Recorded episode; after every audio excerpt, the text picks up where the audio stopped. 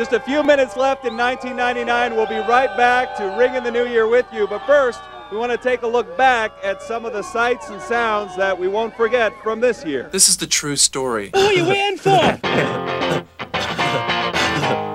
Sellers, their songs filled with images of despair and violence. All kinds of bands. Bands named after guns, bands named after countries, bands named after states, bands named after their parents.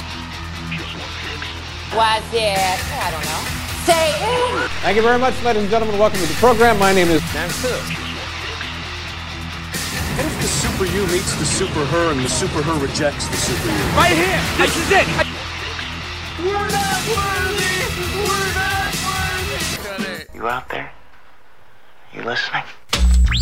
Du lyssnar på Just One Fix. Och eh, ja, nu har vi nått sista året på 90-talet. 1999. Jag som säger det heter Magnus Tannegren. Och jag heter Martin Dunelind. Ja, nu har vi ju nått då sista året på vår resa här genom det här årtiondet. Martin, hur, hur känner du inför det här sista avsnittet? Ja, alltså det är ju både, både kul och hemskt skulle jag vilja säga. Det har ju varit en jäkla resa och, och kanske inte så mycket att spela in själva avsnitten. Det har ju varit en stor grej också. Men just allt det här runt omkring. Så här research och självrannsakande och nostalgi och sådär. Det har varit en... Nej, det har varit ruskigt kul. Jag har haft jätte, jätteroligt de här månaderna. Ja, det måste jag säga också. Det här har ju varit en... Det har varit kul att få liksom tänka väldigt mycket på ett ämne, eller vad man ska säga. Ja, och på något sätt ha det som en tråd genom livet. Liksom. Eh, så att det, nej, det, det har varit jätteroligt och det ska bli intressant att se vad vi går igenom idag. Ja, precis. Vi ska prata mer om vad vi har lärt oss i slutet av det här avsnittet naturligtvis. Och i Just One Fix så kommer vi att lista de tio, enligt oss, viktigaste skivorna från det här året. Men vi kommer också att prata om lite nyheter, om lite media och om oss själva. Så som vi har gjort de senaste nio avsnitten då. Så då vet ni vad som händer nu. Nu ska vi prata lite om nyheterna från 1999 för att ge oss en liten tidsbild så här av årtiondets och årtusendets sista år. Ehm, ja, det var ju krig i Kosovo. Ja, hemskheter som vanligt. Eh, Slobodan Milosevic som beordrade massakrer och deporteringar av albaner. Eh, och det, till slut blev det väl Haagtribunalen och, och krigsbrott och allting för honom. Eh, och eh, allas våran Carl Bildt utsågs till FNs fredsmedlare och åkte ner dit och skulle försöka medla mellan alla som var inblandade i det där. Det var ju väldigt många etniska grupper och sociala grupper som höll på. Ja, alltså det var ju svårt tyckte jag att hålla reda på alla konflikter i det där området under 90-talet. Det här är ju bara en av många. Alla verkar vara osams med varandra. Liksom. Ja, ja visst. Och det hade ju mycket att göra med... Alltså vi har pratat lite om det här tidigare, men det kom en hel del flyktingar från Jugoslavien till, till eh, Karlskoga där jag bodde. Eh, och det handlar ju mycket om att de hade haft starka och våldsamma ledare tidigare som såg till att de inte slogs med varandra. Eh, och när, när då de här började liksom trilla av pinn och, och, och kastades ner och sådär, då, då bröt det ut. Liksom. Det, var, det var nog en krutdurk som hade legat och väntat väldigt länge på att börja brinna det där tror jag. Ja, precis. But could there be a new menace on the horizon? A man made calamity so pervasive it threatens not only the United States, but the entire world? The year 2000 computer problem is without question the most complex, most expensive problem mankind has ever faced. There are some Y2K analysts out there that are saying we need to be preparing for the doomsday scenario, and they may be right. Ja, och någonting annat som låg och pyrde sådär, det var väl paniken inför millennieskiftet. Va? Ja, allt det här med, med datorerna. Ja. Eh, de där två jäkla siffrorna som ingen hade tänkt på. Eh, där det var, ja men ska det bli gå från 99 till 00 så kommer datorerna att tro att det är 1900 igen och allt kommer börja om eller vad, vad är det som kommer hända? Mm. Ehm, och det där var en rätt stor grej för att jag, vi kommer in lite på det sen, men där jag satt så var det en, liksom jobbmässigt så var det en, en fakt, faktiskt problem. Eh, kunde vi se framför oss. Eh, och det var ju många konsulter som tjänade väldigt mycket pengar på det där för att Y2K-säkra alla, alla stora system då. Eh, det hände ju inget. Nej, jag tänkte säga, det var, var, det ett problem då? Nej, nej, nej. nej. nej, det tror jag inte. Jag tror det fanns säkert något gammalt system som hade börjat bete sig konstigt om man inte fixar det där. Liksom. Men eh, nej, jag tror inte det. Jag, om man inte hade lyft ett finger så tror jag att då, då hade det hänt några grejer. Men inte Nej, jag vet ju att om man ser det globalt så vet jag att eh, i Kina så beordrar man upp alla eh, högre chefer inom flygbolagen att flyga på nyårsafton bara för att de skulle vara motiverade och säkra flygplanen för. Åh, vad kinesiskt. Ja, verkligen. Ja, vad, vad härligt. Det är, inte ens, det är inte mer i lönekuvertet utan det är liksom lös det här eller riskera att dö. Ja, precis. Fantastiskt. Ja, det, Ehm, sen hade vi impeachment av Bill Clinton. Vi pratade lite om, om Monica Lewinsky och honom förra gången. Mm. Ehm, och han friades ju då eh, och fick från sin riksrätt och fick sitta kvar som president. ja. Ja, alltså det är ju så här i vårt nyhetsflöde. Det är ju ganska mycket hemskt som händer. Och Columbine-massakern var väl en sån där riktigt trauma för kanske inte bara USA utan för alla som liksom hörde talas om den. Ja, jag tror att tittar jag tillbaka på det så var nog den, för, det var nog den första skolskjutningen som jag minns fick lite större rubriker här. Mm. Eh, och inte minst då på grund av att, jag vet inte om det var året på så kom ju Michael Moores Bowling for Columbine kom då filmen. Eh, och det, ja, vi skulle kunna ägna tio poddavsnitt åt att prata om skolskjutningar men eh, hemskt, jätte, jättehemskt och tyvärr en epidemi i det där landet. Ja, det har inte blivit ett dugg- bättre sedan dess. Nej, sämre till och med. Mm. Eh, sen ytterligare en nyhet då, som var väldigt stor i musikvärlden var att eh, skivbolagen Universal och Polygram gick ihop eh, och de uppskattades kontrollera 25 procent av musikmarknaden världen över. Vilket är helt obegripligt för mig. Mm, jag, tänkte på det. Vi ska, det kommer andra saker vi ska prata om i det här avsnittet lite längre fram. Som man kanske kan sätta relation till det här att ett stort, bildas så stora skivbolag. Så att eh, vi ska gå in på det här med musikmarknadens förändring också i slutet på 1990-talet. Just det, just det. Stanley Kubrick dör. Mm. Ja, eh, ja, vi har ju både, både du och jag sett på väldigt mycket film, men det som är det han utmärker sig för eh, är ju användandet av musik. Eh, så jag såg en, en dokumentär om filmmusik som sa att det finns två eror inom filmmusiken och det är före Stanley Kubrick och efter Stanley Kubrick. Eh, för att han använde musik på ett helt annat sätt än tidigare regissörer hade gjort för att förstärka i scenen och sådär. Så att han, han var ju en, onekligen en gigant. Precis. Ja, och mer krig i världen i Tjetjenien. Eh, Ryssland eh, var väl där och körde fast i den tjetjenska leran och hade ett sånt där riktigt eh, jobbigt krig, eller vad man ska säga. Jag tror. Eh, och ingen vet riktigt vad det handlade om. De påstod väl att det fanns terrorister i Tjetjenien som man skulle ta koll på. separ, separatister eller vad det var. Ja, Ehm, allt det där har väl att göra med någon sorts imperiebyggande och storhetsvansinne från Ryssland. Liksom. precis som vi pratade om Ehm, tidigare också. ju- precis. Vi kan ju nämna det lite också eh, då att eh, Vladimir Putin valdes till den 17 premiärministern inom loppet av 15 månader i Ryssland. Eh, så att det var ju inte direkt ett stabilt politiskt läge på några sätt under de här åren. Och jag tror det, det känns som att det var så från det att muren föll. Ja, det, Eh, så var det liksom eh, hela havet stormar och, och, och sådär i- bland politikerna i, i eh, Ryssland. det var väl lite eh, samma tryckkokare kanske som i Jugoslavien fast det tog sig annat uttryck där. Ja, men lite så kan jag tycka. För här var det ju ett helt trossystem, måste man väl ändå kalla den typen av kommunism som de hade. Det var ju nästan en religion. Mm. Eh, och att den liksom helt plötsligt ifrågasattes, det var ju en jättegrej sådär.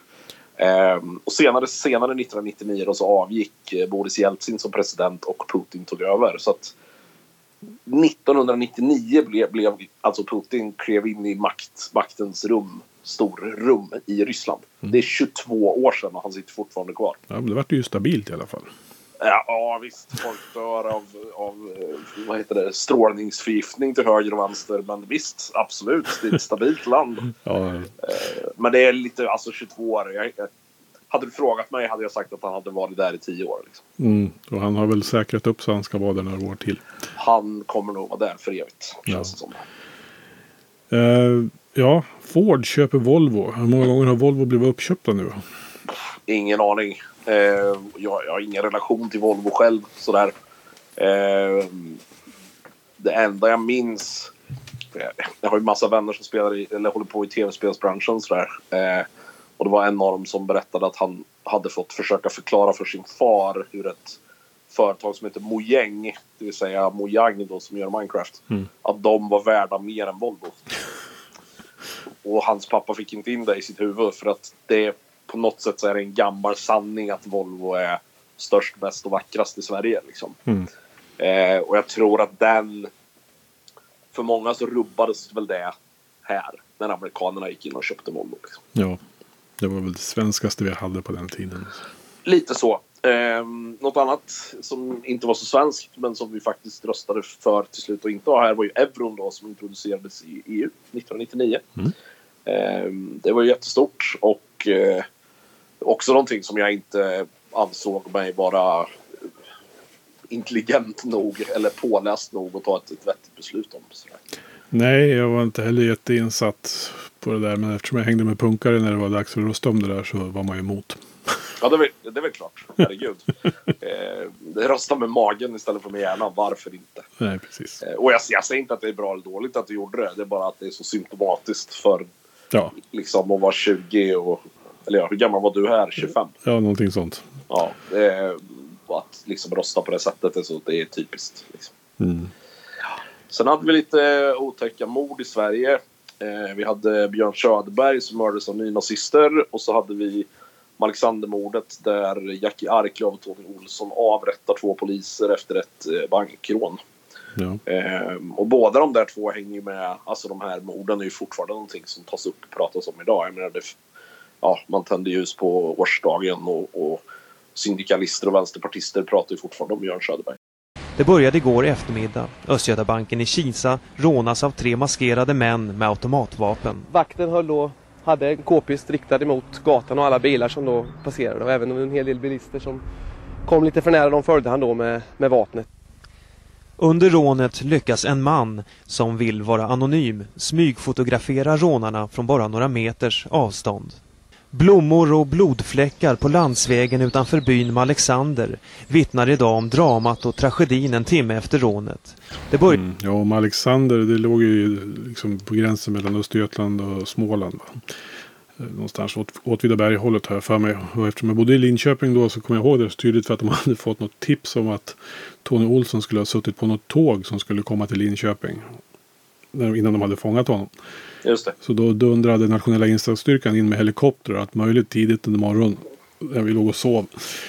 eh, Tätt över taken liksom. Och stoppade det där tåget då. Eh, Han var ju inte på tåget naturligtvis. Nej, det är väl klart. Det är väl klart. Men Men de, eh, vi pratade ju om några andra skurkar här häromsistens. De Stureplansskyttarna och det där.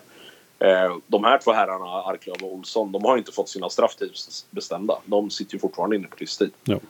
Eh, och det är ganska ovanligt i, i Sverige. Jag menar, de har ändå suttit inne i 20 år och de har fortfarande inte fått en tidsbestämning. Liksom. Nej. Ja, apropå det där med skivbolag då. Här har vi en av sådana grejer. Det var ju att MySpace lanserades. Kommer du ihåg MySpace? Jag kommer ihåg MySpace väldigt väl. Ehm, jag använde den under senare år sedan för att hitta massa band. Mm. Eh, demoband liksom och skriva om och uppmärksamma och sådär. Så att MySpace var från, ja i stort sett från här och några år framåt var väldigt viktigt för mig i mitt skrivande om musik. Måste Ja. jag påstå. Jo, absolut. Det var ett, ett fantastiskt ställe att hitta band som man inte, inte hittade någon annanstans faktiskt. Nej, precis. Och så just att det var, det var liksom man kunde klicka sig vidare. Det var liksom länkat på ett annat sätt. Och, och ja, det gick att utforska mycket mer tyckte jag. Ja. Någon som man in, kanske inte så gärna utforskade var väl Eurovision Song Contest. Men där vann i alla fall Charlotte Nilssons låt Take Me To Your Heaven. Eurovision Song Contest. den minns jag till och med. Oh. Eh, nu när jag, alltså när, jag kan nynna den. Liksom, Mm. När jag in, insåg att jag gjorde research för det här. Och det, hade du frågat mig för sex veckor sedan så hade jag inte haft någon aning om att de hade vunnit överhuvudtaget. Och jag hade inte kommit ihåg den här låten. Men titeln gör ju att det kickar igång i huvudet. Liksom. Ja, ja. Klassisk Eh. schlager. Ja, ja, herregud. Superduper slager. Ehm, och lite kopplat till det med tanke på eh, Schlagers eh, koppling där så arrangerades Stockholm Pride för första gången. Mm. Eh, och det var ju väldigt roligt måste jag säga. Ehm, jag själv har aldrig varit där men jag skulle vilja någon gång. Ehm, det är ju en Ja, det är väl ett tecken på det. Men båda ett samkönade äktenskap, eh, eller partnerskap var det väl, som tilläts ett par år tidigare och så Stockholm Pride. Liksom. Det var ju ett tecken på att det fanns åtminstone några krafter som jobbade emot alla de här andra hemskheterna vi har pratat om med, med nazister och annat. Liksom. Ja, precis. Love is all you need som man säger. Exakt. Mm. Exakt. Eh, kärleken mellan Sverige och Danmark förstärktes ju också genom Öresundsbron som färdigställs. Det var ju ett jäkla rabalder innan det där blev klart. Och det var ju centerpartister som avgick. Och det var en väldig debatt om vad som skulle hända med Östersjön om man byggde en bro med vattenflöden och allt möjligt. Eh, men 24 miljarder svenska kronor senare så stod den där. Ja, jag, det är en sån här grej som senare när jag jobbade så fick jag lära mig i, i mitt liv att man ska följa upp investeringarna man har gjort. Mm. Eh, så frågan är, jag skulle vilja se uppföljningen på den här. Var det värt de här pengarna? Mm. 20 år senare. För man, kan, man borde kunna räkna på det med lite så här ökade anställningar i Sverige och bla bla bla. Liksom. Mm. Eh, och, och det här är ytterligare en grej så som vi också har pratat om. Ett sätt att föra världen närmare. Eh, för det plötsligt blev det ju hållbart på ett annat sätt att bo i Sverige och jobba i Danmark och tvärtom. Ja, ja, precis. Eh, och, det, och det hade ju liksom inte funnits. Det hade, eller, det hade ju funnits, men det var ju krångligare innan. Liksom. Ja, och det märkte man väl med all önskvärd tydlighet nu när den här pandemin har varit och man eh, inte fick resa över bron. Eh, och sådär. Ja, det blev ju väldigt tydligt. Absolut. Krånglade till det för väldigt många som har liksom ställt om sitt liv under de här åren som har gått sedan den färdigställdes. För Ja, just det. man jobbpendlar på ett helt annat sätt. Ja, eh, sen nådde vi då nyårsafton 1999 och i Stockholm så betalade Stenbeck en okänd summa för att eh, Europe, det gamla 80-tals hårdrocksbandet, skulle återförenas. För, eh, och spelade Final Countdown på tolvslaget på en utomhusscen i centrala Stockholm. Alltså, det är så otroligt Jan Stenbeck. Så att jag, alltså jag är ju senare då framåt så är jag ju uppfostrad rent jobbmässigt inom Stenbecks företag. Mm. Eh, och det här är en så här typisk, man skulle bara, ja ja, det är precis sånt här Jan Stenbeck sysslar med. Eh, och jag sa det till dig innan här att när han, när han gick bort och så han, han dog av en, en hjärtattack. Och när han låg där och, och väntade på ambulansen så bad han om champagne. Så han låg och drack champagne medan han väntade på ambulansen som skulle ta honom till sjukhuset där han till sist gick bort. Ja. Det, ja, han var larger than life, den mannen. Ja, och Europe, de är ju fortfarande aktiva då efter det här. Så att, eh, ja, Tror du att det berodde på det? Alltså hade de återförenats annars ändå? det tror jag inte. Nej, Jag tror- det finns ju någon, finns ju någon bok skriven om Europe där som en, en gammal close-up-kollega har skrivit. Mattias Klinger. borde- Ja, precis. Eh, Det står säkert där i. Ja, ja. Ja, nej men de, det var nog en ursäkt liksom, eller vad man ska säga, en orsak och ursäkt för att återförenas med John Norum och allt det här. Och Just det. upptäckte att man kanske hade mognat lite och hade rätt kul tillsammans. Och kunde tjäna lite pengar. absolut. Va? Mm. Ja, de, så är det. Men det var i alla fall eh, nyhetsskörden vi har fått fram från det här sista året på 90-talet. Och eh, då ställer vi oss lite frågan, var var vi då? Martin. Ja, jag var kvar i Karlskoga eh, och jobbade på kundservice då och svarade i telefon. Eh, jag jobbade där i sex månader innan jag fick nog. Eh, man hade inget ansvar, man gjorde massa idiotiska grejer. Jag gjorde mig ovän med alla chefer eh, för att jag ifrågasatte varför man gjorde saker på ett visst sätt när det kunde göras bättre. Eh, och så här i efterhand så vet jag att jag hade rätt, vilket är ganska roligt. Eh, det är en lång diskussion vi skulle kunna gå in på vid ett annat tillfälle, men jag vet att jag hade rätt. Eh, så en dag så blev vi uppringd av en, en torsdag blev vi uppringd av en chef som sa Hej hej, det finns ett jobb på tekniksupporten. Och tekniksupporten betydde att istället för att sitta och ta emot samtal från kunder så ringde man ut till kunder som faktiskt hade problem. Så man skulle göra lite djupare eh, felsökning då. Så jag sa ja, absolut, när börjar jag? Ja, på måndag. Så det var tre dagar senare då. Eh, och det handlar väl lika mycket om att jag vill ha det jobbet som att de inte ville att jag skulle ställa massa jobbiga frågor om hur man jobbar på kundservice längre. Eh, och då blev det en ny värld av eget ansvar helt plötsligt. För att man fick liksom bestämma lite mer och, och behövde inte springa till chefen för minsta lilla fråga. Sådär. Eh, I samband med det här då, såklart så fortsätter man ju med musiken. Eh, jag eh, snöade in mer och mer på den här eh, nu metallvärlden. Eh, och vi nämnde det lite förra gången med ett band som till exempel System of a Down. Att det blev en ganska spretig genre och det var liksom många band som inte riktigt lät som varandra men som ändå skeppades in under det här eh, nu metal-paraplyet. Eh, och ett av de banden var Stained eh, som kom lite mer från post-grunge-sidan. Eller vad man ska kalla det för. Man, man hör väldigt väl att de är influerade av framförallt Alice in Chains då, skulle jag säga. Eh, och Korn och lite sådär. Eh, så jag tänkte att vi lyssnar lite på, på Stained så vi får en liten litet smakprov av 90-talets eh, nu metal här. Så vi kör lite Just Go.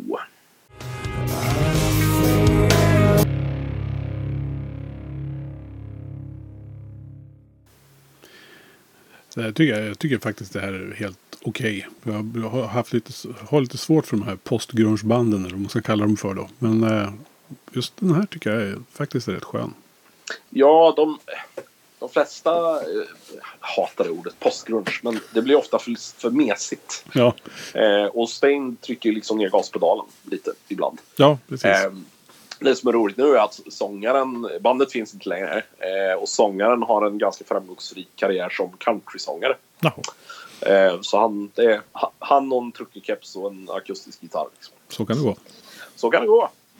Eh, sen åkte jag till Stockholm igen mellanrum. Eh, gick i skivaffärer, köpte spel på, på Tradition som var en, en spelbutik eh, som flyttade runt lite in i stan. Till slut landade på Stureplan. Eh, och eh, gick på bio och sådär i, i Stockholm också. Det blev som någon sorts små kulturutflykter eh, eller vad man ska kalla det för. Eh, träffade eh, flickvän som jag sen blev sambo med och som jag senare flyttade till Stockholm med.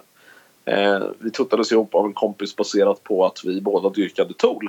Eh, och då helt plötsligt fanns det någon sorts gemensam musikgrund där som man kunde stå på. Ehm, I samband med det så eh, upptäckte man ju såklart eh, fler band som man gillade tillsammans. Eh, och ett band som jag fick från, från hennes sida var, ett engelskt band som heter Earth Tone 9. Som beskrevs av vissa som Englands Machine Head, vilket jag inte alls håller med om.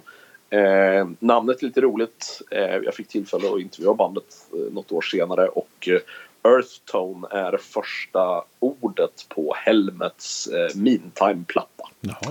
Eh, så de eh, heter Earth Tone och så la de till en nya. Så vi tar och lyssnar på Earth Tone 9s låt Off Kilter.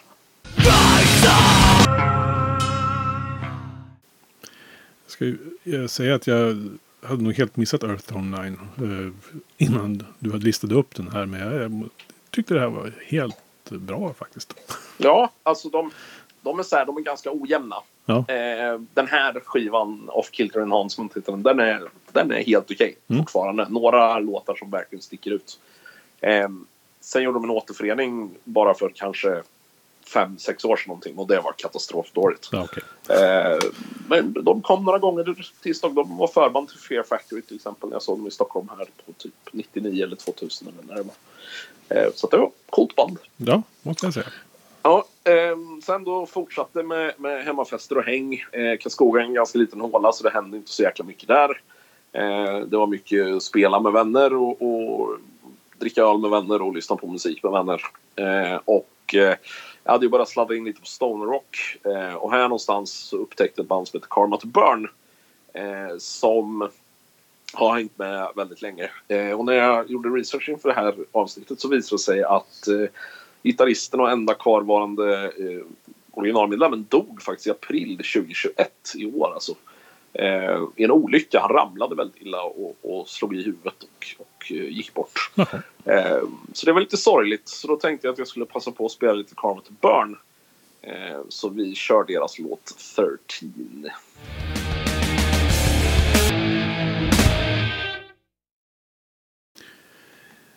Jag har ju lyssnat på Carl Martin Burn men det är aldrig riktigt något sånt där som har fastnat på mig riktigt.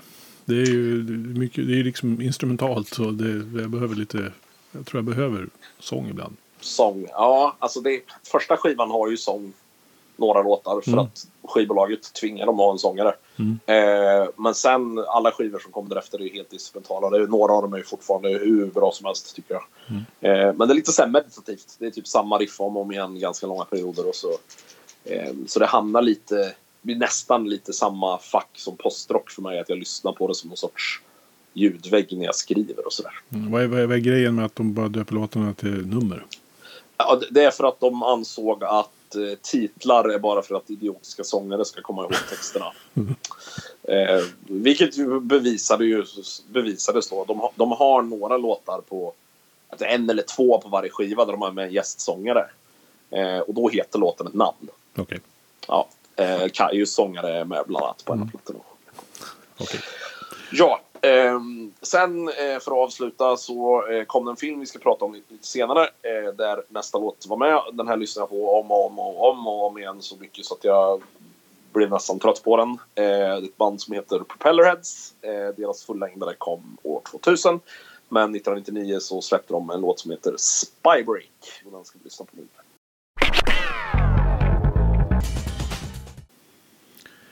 Ja, men det här tycker jag är, det här är bra.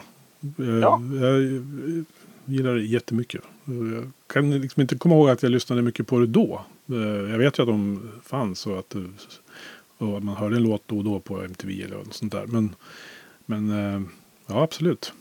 Mm. Jag kan fortfarande sätta på eh, skivan då. Dex and Drums and Rock'n'Roll heter den. Mm. Eh, och det är inte alltså, Det här är lite det vi berörde med, med Chemical Brothers. Mm. Att de är ett rockband egentligen fast de är inte ett rockband. Ja, det är den känslan man får.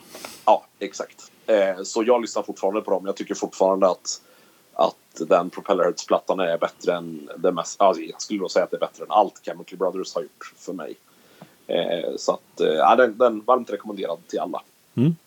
Mm, vart var du då? Jag gjorde tre saker vid det här tillfället i, i tiden. Eh, kan man väl säga i Linköping där jag då bodde för att plugga. Och det var det ena. Och det andra var att jag eh, var på studentradion. Och det tredje var att jag spenderade kvällarna på Bilspedition sorteringscentral. Och körde truck och sorterade gods för att få lite extra stålar till kassan. Eh, det kanske låter tråkigt men jag tycker det var fantastiskt kul. Både att köra truck och eh, hänga med lagerarbetare höll jag på att säga. Det, för, liksom lära sig lite östgötska från alla delar av länet. Det var roligt. Eh, dessutom så ett tag så kunde jag alla Sveriges postnummer i huvudet. Vilket jag eh, helt har glömt nu. Men eh, då visste jag exakt på saker och ting låg någonstans i landet. För att ni skickade ut paket och du visste därifrån? eller? Ja, precis. Man såg ju postnumret. Visste man inte vad orten var, då visste man åtminstone liksom, Då lärde man sig vilken korg det skulle till. För det skulle till andra städer eller sorterades vidare sen. Så att det Det är, hamnade... ju helt, det är ju helt absurt. Det är ett partytrick av rang. Ja, det är ju det. Men jag har en känsla av att det där nu sköts optiskt av någon dator. Så att, Så är det. Ja. Så är det. nåväl. Eh, ja, vi börjar väl på radion som vanligt. För det var ju där jag spenderade ganska mycket tid då också. Och där blev jag någon sorts redaktionschef. Fick man någon titel där. Eh, och det är ju fint. Eh, helt obetalt naturligtvis. Men eh, det betyder att man ansvarade lite för innehållet på eftermiddagsmagasinet på studentradion. Ja, och eh, skulle ragga gäster och eh, Eh, innehåll. Förutom musiken som redan var lagd. Då. Jättekul, jättelärorikt. Eh, man fick eh, blodad tand och det kanske har speglat sig sedan vad jag gjorde i mitt yrkesliv efteråt också naturligtvis. Så att, eh, någon form av yrkesutbildning kan man nästan säga att det var där på studentradion. Eh, en av de där låtarna som vi spelade jättemycket det här året, kommer jag ihåg, det var eh, Filter.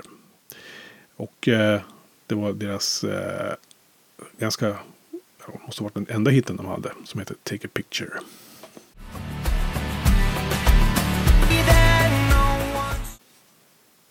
Så Filter är ju ett så här ett steg från Nine Inch Nails band. Eh, för sångaren i Filter var ju gitarrist i Nine Inch Nails ett tag.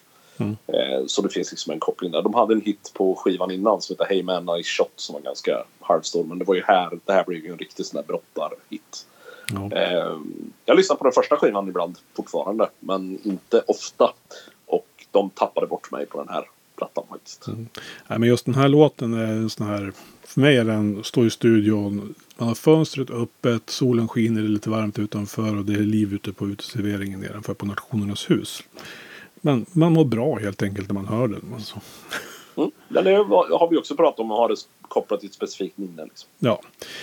Eh, ja, där på redaktionen i alla fall så vi hade ju ol- många olika sorts program och det var ju jättekul att träffa folk där. Jag hängde lite med bakfulla göteborgare som gillade progg och pratade känslor på söndagsmorgnarna i radion. Eh, fransmän som spelar housemusik naturligtvis med extremt fransk brytning på sin engelska. Jätteroligt och nästan sån här Nile City-varning på ett gäng svenska reggae-fantaster som spelade all form av eh, västindisk musik. Eh, fler låtar som jag kommer ihåg att vi spelade. Och det här får ju då Smashing Pumpkins återkomma i den här podden. För det här är nog den sista sucken och det de någonsin gjorde som ens jag känner det var bra. För att ibland så lyckades eh, Billy Corgan att skriva sådana här låtar som känns eh, som ger någon sorts eh, välmående när man hör den tycker jag ändå. För den här är en sån. Stand inside your love heter den.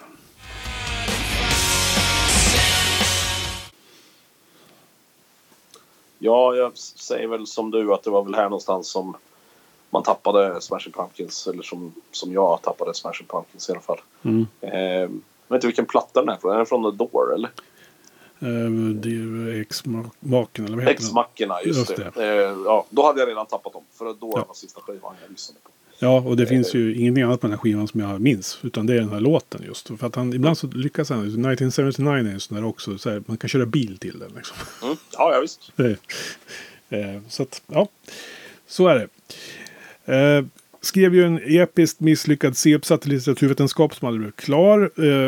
och bestämde mig någonstans där för att man ska kanske inte hålla på med så mycket kulturvetenskap utan hoppar på medie och kommunikationsvetenskapsdelen istället som fanns på Linköpings universitet. Och det verkade, visade sig ju vara smart. För att eh, det var betydligt roligare och jag har haft betydligt mer nytta av det eh, sen. Eh, så att eh, det är en förändring som jag inte ångrar på något sätt. Eh, och ibland så kliar det lite på jobbet när man sitter där och i den här kommunikations och medievetarnerven. Man får sitta och pyssla med diskursanalys och eh, annat eh, roligt medievetenskapligt. Eh, jag försökte ändå odla någon sorts eh, kulturvetar-image i alla fall och man lyssnar, fortsatte lyssna på väldigt mycket jazz.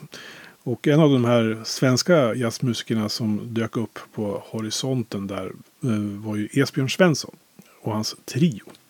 Han spelar ju jazz på ett sätt som kanske inte riktigt är, låter som jazz brukar göra. Utan det är en betydligt modernare liksom, take på det hela. Så vi tar och lyssnar på titelspåret från skivan eh, From Gagarins Point of View.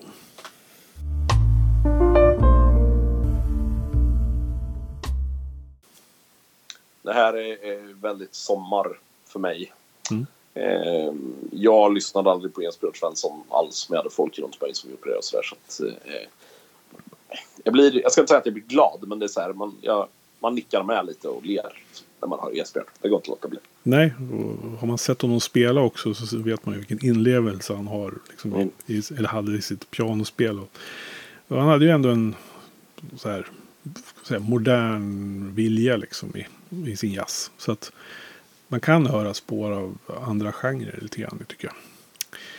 Nåväl. Eh, förutom pluggandet så levde jag ju ett studentliv också. Och gick på mycket spelningar på Herrgården eh, som var det stora studentstället. Eh, och på rockstället i Linköping, Platens bar. Där man hade en sak på eh, barmenyn och det var en öl, en stor, stor stark och en shot kan ju ana vilka konsekvenser det kan få på en kväll.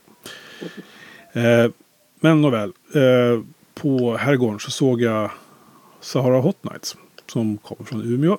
Eh, begåvade unga damer som spelade rock'n'roll. Och eh, de hade väl sina första hits på den här första skivan. Eh, och det här är en av dem. Quite a feeling.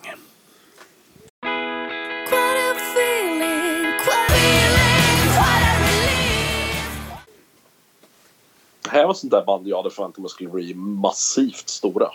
Mm. Alltså även utomlands liksom. Eh, men nu har inte jag haft, jag, jag följde inte dem överhuvudtaget så jag vet inte, hur, hur gick det för dem? Har du koll på? Ja det gick nog rätt bra. Alltså jag tror, tror de turnerade ganska intensivt i några år och släppte väl ett par tre skivor som jag tror gick helt okej.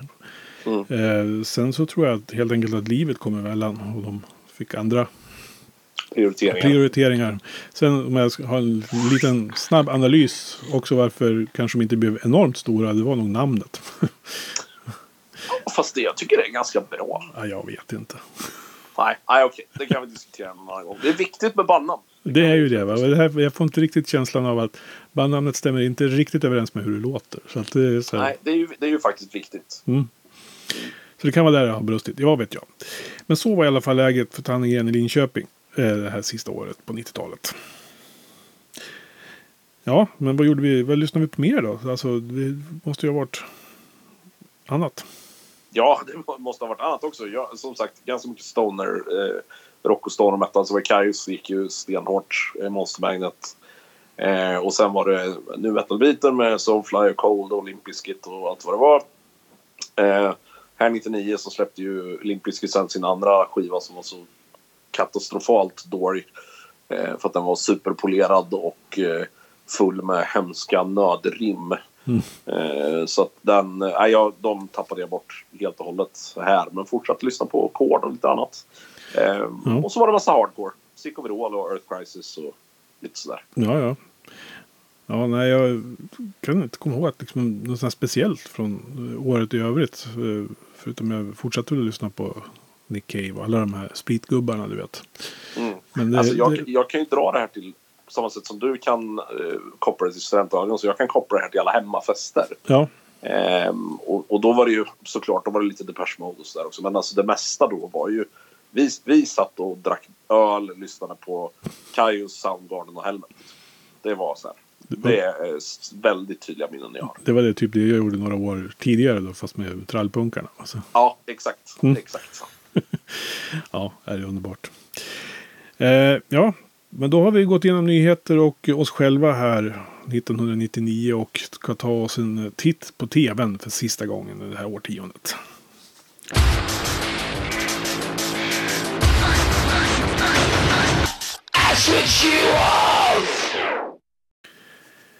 Uh, ja, vad händer det här? Alltså det digitala börjar ju dyka upp. Ja, vi var inne på det här lite tidigare, tv på, på internet. Men nu pratar vi mer om att SVT började sända digitalt snarare än att sända i det vanliga marknätet. Då.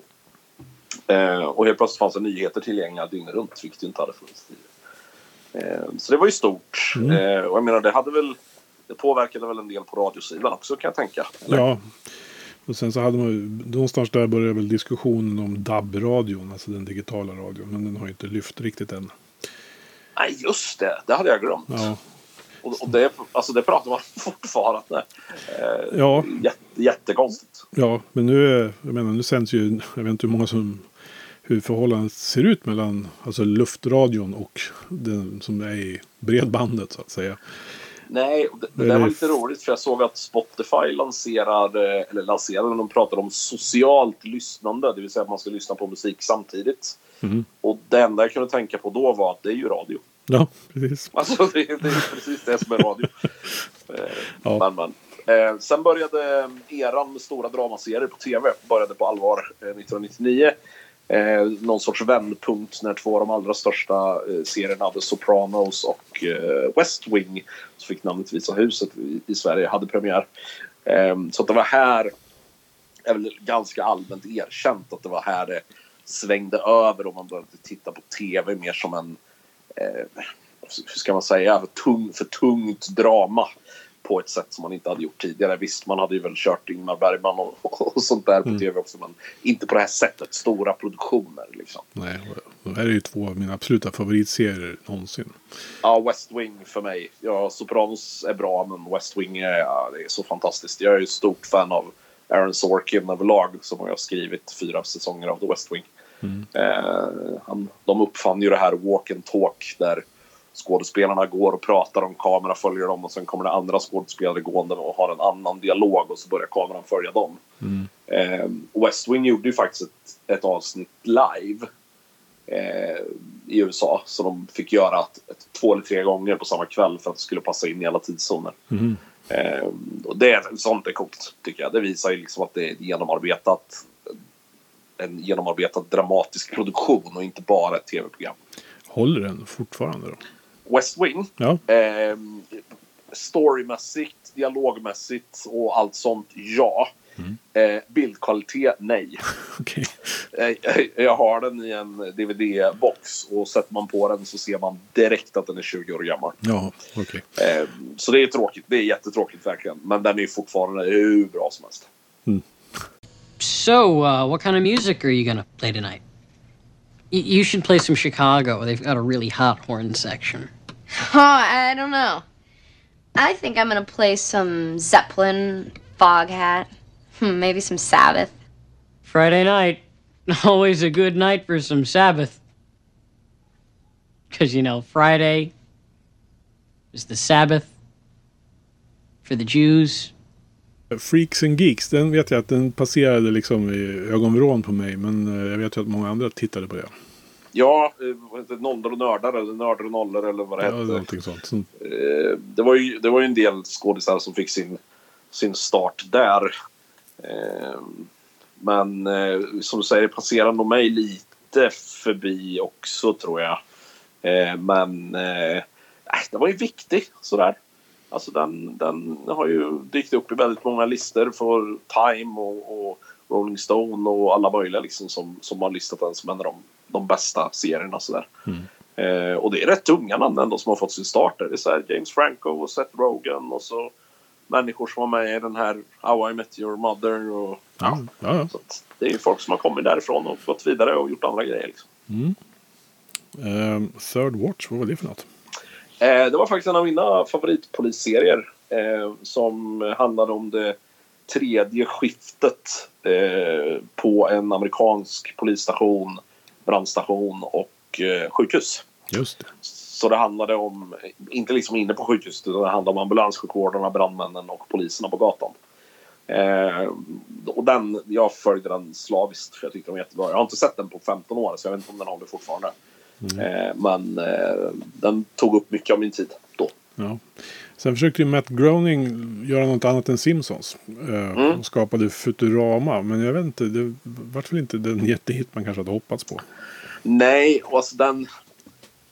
Så här, Simpsons blev ju stort lite av en slump. Mm. Eh, och då är det svårt att försöka följa upp med något nytt. Som liksom ska, ska nå upp till de höjderna sådär. Eh, jag gillar Futurama Mm. men i, liksom i lite mindre doser sådär. Eh, men eh, ja, nej, det, det är ju inte Simpsons, det kan vi ju säga. Nej. Sen har vi Law and Order Special Victims Unit. Den, vet jag, den går ju ständigt i repris. Va? Ja, ja, och inte bara den. Alla Law Order går ju ständigt i repris. Ja. Ehm, och det är lite roligt det där har jag upptäckt. Ehm, om man tittar på i stort sett vilken skådespelare som helst. Jag tror inte det spelar någon roll om du tittar på de som är från 50 år och bakåt nu och du går in på IMDB så har de antingen varit med i Law Order eller CSI eller någonting annat som så här Bar Guy number three. Eller det var någon jag hade hittat som var så här Corpse number two. så okej. Eh, Så att Law, Law and Order har nog varit en eh, plantskola kan jag tänka mig för Mm. väldigt många. Eh, och just för att det har funnits så otroligt många olika Law and Order och det har gjorts spoofar på den så otroligt många gånger också. Mm. Eh, så att den är inte bra men viktig. Ja. Sen har vi mer animerat. Family Guy. Det är en sån här som jag inte... Jag har sett lite avsnitt men jag tycker inte riktigt det fastnar sådär på mig. För mig så går den ibland över gränsen. Det är mitt problem. Mm. Eh, det är lite samma med South Park. Alltså jag tycker Family Guy är riktigt, riktigt bra. Eh, men ibland tappar de bort mig. Sådär.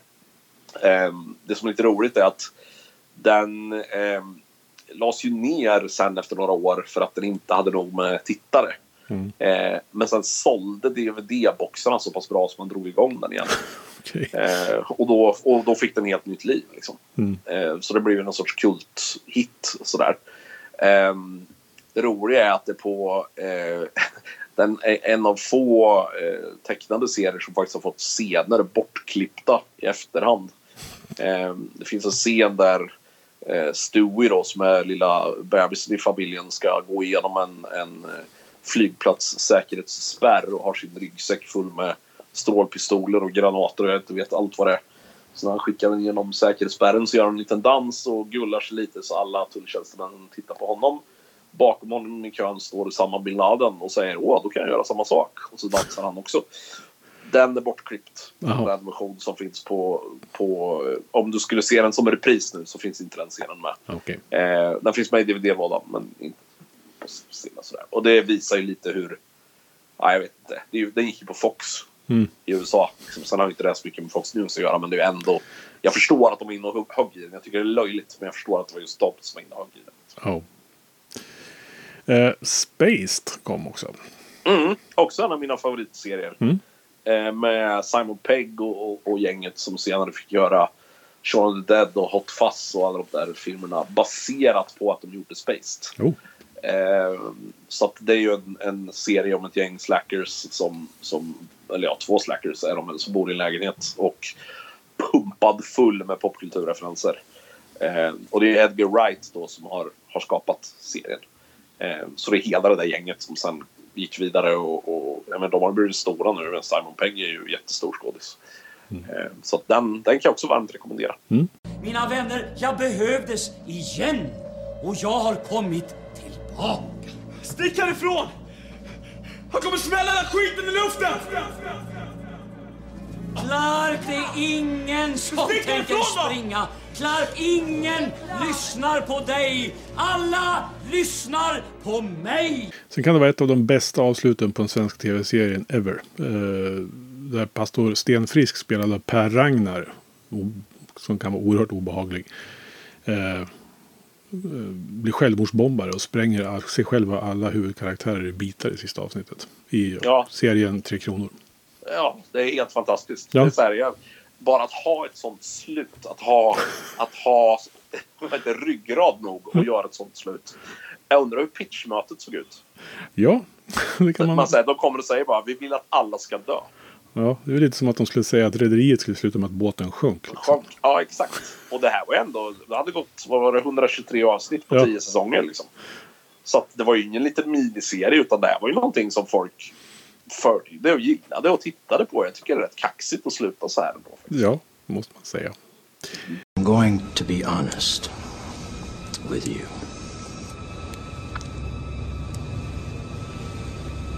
I hate this place. This zoo, this prison, this reality, whatever you want to call it. I can't stand it any longer.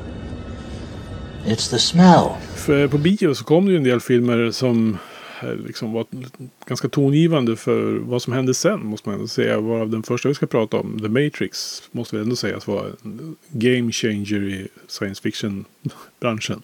Ja, det och actionfilm för Ja. den delen. Ehm, det var ju här då som eh, Propellerheads-låten var med. Mm. Eh, Spybreak, eh, någon av actionscenerna, jag minns inte vilken, om det är den de är inne i hotellobbyn eller vart det är någonstans. Men eh, igen då, på samma sätt som Titanic och, och lite andra filmer vi har pratat om, så det här var ju en föregångare i mycket effekt. Eh, tänk sådär. Ja.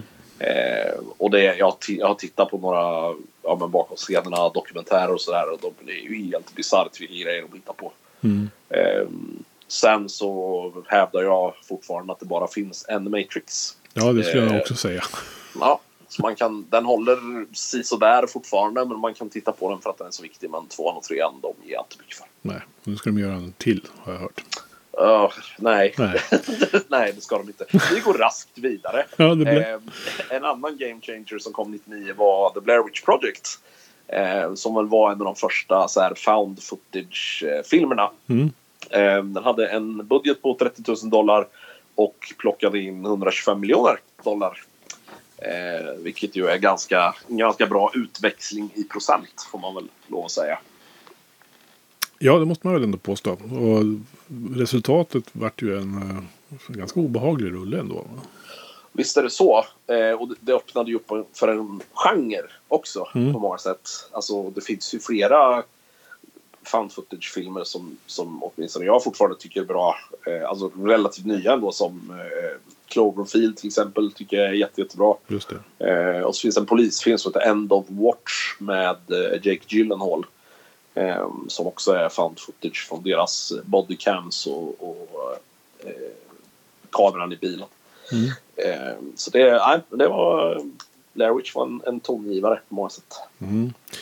Sen så var det ju ganska stor populärkulturhändelse när de bestämde sig för att göra en prequel på Star Wars-filmerna. Och eh, den första kom då 99. Eh, The Phantom Menace. Men resultatet var väl ändå inte jättelyckat måste man säga. Ja, jag, jag vill inte prata om det där. Nej. Eh, nej, alltså jag, jag växte ju upp med Star Wars. Det var jätteviktigt för mig. Jag hade hyllorna fulla med plastfigurer och bla, du vet, hela grejen. Ja, ja. Jag är stöpt i Star Wars. Mm. Eh, och det här kändes som ett slag i ansiktet. Ja.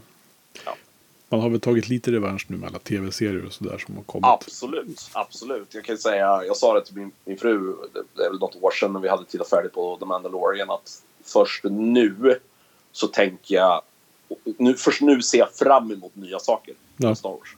Och det har jag inte gjort på 25 år innan dess. Liksom. Så då ska vi inte prata så mycket om Jar Jar Binks nu då. Eh, nej, Nej. vi raskt vidare. Ja. ja, vad har vi näst här på bioprogrammet då? The Sixth Sense. Ja, det var ju eh, M. Night Shyamalans första film med en av de där jättestora twisterna på slutet. Mm. Eh, och han blev ju lite känd för det. Eh, på ett sätt som väl gjorde att han kände sig tvungen att ha sådana twister i alla filmer och det inte alltid var särskilt lyckat. Eh, men den här var ju skitbra, verkligen. Jag har inte sett den på länge, men då var den ju jätte, jättebra. Sen hade vi American Pie och det var väl det närmaste amerikansk buskis man kan komma, är inte det? Ja, på det absolut sämsta sättet Ja. skulle jag vilja påstå. Eh, det, var, det är humor som inte gör någonting för mig, varken då eller, eller nu. Nej. Eh, däremot humor som gjorde någonting för mig då och nu är eh, Galaxy Quest som kom 99. Eh, som är en sorts eh, Star Trek-spoof kan man säga. Eh, som handlar om skådespelarna som har varit eh, skådisar i en tv-serie som var jättestor på 80-talet. Eh, och alla saker de hamnar i. Bland annat med Sigourney Weaver och Alan Rickman som jag verkligen gillar. Så den, den är jättebra fortfarande. The first rule of Fight Club is you do not talk about Fight Club. The second rule of Fight Club is you do not talk about Fight Club. Sen hade vi Fight Club. Det är en sån här film som, som blev nästan på ett filosofiskt plan för folk som gillar den väldigt mycket. Mm. Gillar du den? Jag, jag tycker det är en bra film, men jag kan inte säga att jag tycker att den är liksom, ett oho. Nej, alltså jag är ju en, jag är en sucker för David Fincher då, Ja. som har regisserat liksom. Eh, så det är, inte hans, det är inte hans bästa, men den är ju jättebra. Verkligen. Jag såg Mm. om den bara för ett tag sedan och den håller ju fortfarande från, från start till mål. Mm. Eh, sen så läste jag boken den är baserad på. Den är ju ännu bättre. Eh, Chuck Palahniuk heter han som har skrivit den. Gillar, man, gillar man filmen kan man läsa boken. Den är inte tjock alls. Så att det är bara att ge sig på den. Eh, sen kom ju Stanley Kubricks sista film då, Eyes Wide Shut. Ja. Eh, det var väl Tom Cruise och Nicole Kidman va? ja, det var väl kanske det som var det som drog flest till bion. Ja, nej, jag förstod aldrig den. Tror jag. Nej. Det var som en... Äh, han påstod, det sades ju att han ville att det skulle vara en sorts opus, alltså hans största, bästa film, bla bla bla. Men eh, det märktes ju att han inte hade gjort färdigt den, tyckte jag. Så Nej, att, för eh, visst var det så att han inte hann riktigt klart innan han gick Nej. bort?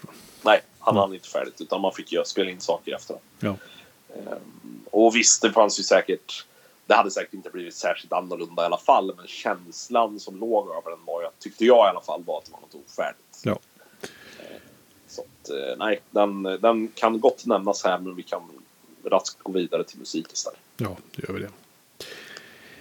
Ja, då har vi kommit fram till huvudnumret här i eh, Just One Fix. Alltså våran eh, tio topplista över viktiga plattor som eh, vi tycker släpptes det här året. Utan inbördes ordning då naturligtvis. Men vi har valt fem var och eh, ska vi säga någonting om det som vi har antytt då tidigare här när vi pratat om skivbolag och MySpace och eh, allt sånt där.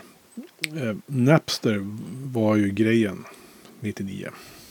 Ja, första större file sharing peer-to-peer eh, verktyget, eller vad man ska kalla det för, för musik i mp3-format främst då. Mm. Eh, 80 miljoner användare när det var så störst, vilket eh, så här, det låter mycket men det är ju ingenting jämfört med sociala medieplattformar idag. Eh, men med tanke på storleken på internet då jämfört med idag så det känns som att det var oerhört många som använde den. Oh ja. Eh, 2000 så stämdes ju Napster av både Metallica och Dr. Dre då för att de ansåg att de hade gjort copyright infringement. Eh, och samma år så var grundaren Sean Par- Parker var på scenen på MTV Video Music Awards med en Metallica t-shirt på sig. Eh, och bandet satt på första raden så det var, det var väldigt roligt. Eh, och samma år då 2000 så började bandet Offspring att sälja Napster-merch på sin hemsida. Och skänkte bort all vinst till välgörenhet. Och det här satte Napster i ett märklig sits eftersom deras advokater försökte stämma Offspring för copyright infringement samtidigt som Napster själva gjorde samma sak mot alla band. Så det blev någon sorts liksom, paradox där på något sätt. Ja. Men man måste ändå säga att Napster, eh, liksom som, alltså, tekniskt så innebar väl Napster en hel del framsteg, alltså som används än idag i den här peer-to-peer-tekniken som även kanske Spotify och sånt där använder lite grann idag. Är det inte så? Ja, alltså de streamingtjänsterna hade ju förmodligen aldrig hänt om inte Napster hade hänt. Nej. Eh, och, och stora delar av det var ju liksom rebellgrejen att fan vi vill inte betala för musik längre. Och jag, jag tror inte det handlar om att man var snål. Nej. Utan jag, för mig så handlar det om så här, jag fick ju fortfarande skivor vid den här tiden så jag behövde liksom inte riktigt bry mig om det där. Men jag hade ju vänner som laddade ner massa för att de var fattiga studenter. Mm. Eh, och, och det var mer att man inte tyckte att det var okej att betala 179 spänn för en CD-skiva. Liksom. Eh, och sen hur skivbolagen hanterar det, vilket var istället för att säga ja, vi sänker priset och så köper folk två skivor för 99 kronor styck. Nej, då höjde de till 199 istället och trodde att det på något sätt skulle, skulle funka. Liksom. Så jag vet inte. Eh, det, nej, det blev ju en väldigt konstig, väldigt konstig grej och Napster ledde ju till väldigt mycket förändringar. Framförallt de stora skivbutikerna som började försvinna. Ja, och det där är ju ironin i det då att eh, skivbolagen idag säljer ju väldigt lite skivor. Alltså de lever ju på sin strömming, st- strömmad musik. Ja, ja visst. visst, visst. Så det, frågan är vem som vann det här. Liksom. Ja, och, och är det konsumenterna kanske till sist? Ja, jag till, till sist kanske det är så. Ja, men eh, det var ju onekligen en vändpunkt i hur vi konsumerade musik. Verkligen. Jag har här minne från när vi spelade musik på studentradion. Då hämtade man ju faktiskt musik från Napster för att ni hade önskeprogram och sådär. Och grejen var ju det att när den hade tankat ner ett viss procent av låten då kunde man börja spela den. Eh, Just det, i Napster. I Napster Alltså, liksom- ja. Precis. Så att eh, ibland så stod man och tittade nervöst på den där stapeln om den skulle hinna upp till 100 procent innan, Innan- låten tog slut. Och då hade det blivit lite jobbigt.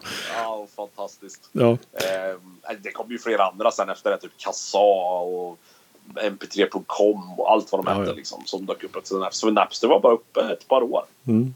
Så att det är upp som en... Ja, det var liksom... De, de brann väldigt, väldigt stort under en väldigt kort tid. Ja, men han ju bränna av mycket av det gamla. Visst, visst, visst. Eh, sen så var det ju en stor Woodstock-festival också 99 där både Metallica, Megadeth, Offspring, Korn, Mo- Moby, Rage Against the Machine och flera spelade under några dagar. Det vart ju kaos på den här och det är kanske det som den här festivalen är mest känd för. Det kom 400 000 besökare under fyra dagar i orten Rome utanför New York. Eh, det var varmt och när man kom in på området så var det svindyr mat och uselt med toaletter och generellt dåligt arrangerat. Vilket bidrog till en fantastiskt dålig stämning vad jag förstår. Eh, det kom ju flera anmälningar sen om sexuella trakasserier och övergrepp eh, under den här festivalen. Och under Limp Bizkits spelning så utbröt det rena våldsamheter under spelningen då. Många menar att det var Fred Durst då i Limp Bizkit som uppmanade till det här nästan under låten Break Stuff. Eh, och sen lite senare på kvällen där så under Red Hot Chili Peppers spelning så började publiken tända eldar på området i ren desperation. Eller vad det var. Eh, eller förstörelselust kanske. Eh, och ett av ljudkontrolltornen tog eld. Och Anthony Kiedis har sagt i intervjuer att det såg ut som en scen i Apocalypse Now. Det låter, ju, alltså det låter så bisarrt. Jag, jag tittar på lite videos från det där, speciellt från liksom kaoset som utbryter under Limp Bizkit-spelningen. Mm. Där folk liksom bryter ner delar av eh, staket och andra installationer för att ha crowdsurfa på. liksom, som någon sorts surfbrädor. Liksom. Eh, och det är där någonstans det börjar urarta fullständigt och det blir ju... Ja, upple upplevelsen jag har, känslan jag har att det lät det var stundtals var det mer ett upplopp än en, än en konsert. Ja. Ja, nej, det var en, liksom en, 99 slutade med en smäll i festivalen hänseende i alla fall. Ja, ja, visst. Lite så. Tyvärr så för mig så är det det där som namnet Woodstock har kommit att bli associerat med istället för Alltså Woodstock 94 till exempel. Det finns ju skitbra spelningar från. Mm. Eh, och det var säkert många bra här också. Men så fort någon säger Woodstock så tänker jag på, på upplopp och våldtäkter. Liksom. Ja. Det ju, känns ju sådär. Var det någon sorts millenniumångest kanske? Ja, jag vet inte. Det var masspsykos påeldat av någon snubbe med storhetsvansinne. Ja. Jag vet. Du, ska vi ta och prata lite om eh, musiken då? Och eh, Ja. som ni vet så är det ju du Martin som börjar. Ja, eh, och då tänkte jag börja lite eh, ute på kanten sådär från det som jag eh, brukar lyssna på och prata om. Och vi ska prata om eh, vår skalliga vän Moby. Eh, som 1999 släppte Play, hans eh, femte skiva. Som blev återkomsten till det elektroniska efter Animal Rights. Som väl var någon sorts rockexperiment som han gjorde. Ehm, um, Moby ville tillbaka till dansmusiken. Ehm, Animal Rights knäckte nästan hans karriär och även honom själv. Ehm, under turnén så han öppnade bland annat för Soundgarden och fick saker kastade på sig varje kväll. På hans egna turné med Animal Rights så kom nästan ingen överhuvudtaget för att det var ingen som kände igen Moby när han inte gjorde liksom house. Ehm, så han började spela in hemma i New York. Ehm, planen var att han skulle göra en sista platta och sen göra någonting annat med sitt liv. Ehm, han övervägde att studera arkitektur och ja, hade väl sett Animal Rights som någon sorts slut. Så att det blev någon sorts svart fläck i protokollet så att han skulle gå vidare runt det där. Um, han var inte alls nöjd med mixen av Play efter flera försök i flera olika studios och till slut så mixade han den själv. Um, Elektra Records som han hade legat på i USA, de hade sagt upp kontraktet efter Animal Rights för att den inte hade gått så bra. Och ingen av de stora eh, skivbolagen ville jobba med Play överhuvudtaget. Trots att han gick till flera av dem med skivan. Till slut var det ett skivbolag som hette V2 som han landade på, eller V2. Eh, de skickade ut det till en massa press. Och det var många journalister som vägrade lyssna på skivan efter Animal Rights. För de tänkte, sa bara, nej men han är, han är över och varför ska vi göra det här? Eh, hur man löste det här och hur man fick det att, att bli en jättelik skiva eh, var genom licensiering. Vilket visade sig vara ett eh, fullständigt genidrag. Eh, Moby och hans management började sälja låtarna till, eh, från skivan då till reklam, tv, film etc. Till slut såldes alla låtar på skivan. Varenda låt som finns på Play är licensierad på något sätt. Eh, de var ändå väldigt noga med vilka de valde ut. Så det var inte så att de bara slängde det till höger och vänster utan de såg till att det liksom passade då. Eh, så till slut så ledde den här exponeringen till att plattan klättrade upp på listorna igen. Och den låg fem veckor på plats ett på engelska albumlistan. Eh, till slut så landade det i att Eh, Play är tidernas bäst säljande elektroniska platta. Alla kategorier och har sålt över 12 miljoner exemplar. Eh, så vi tar och lyssnar på en av de här licensierade låtarna från plattan Play och hör Natural Blues.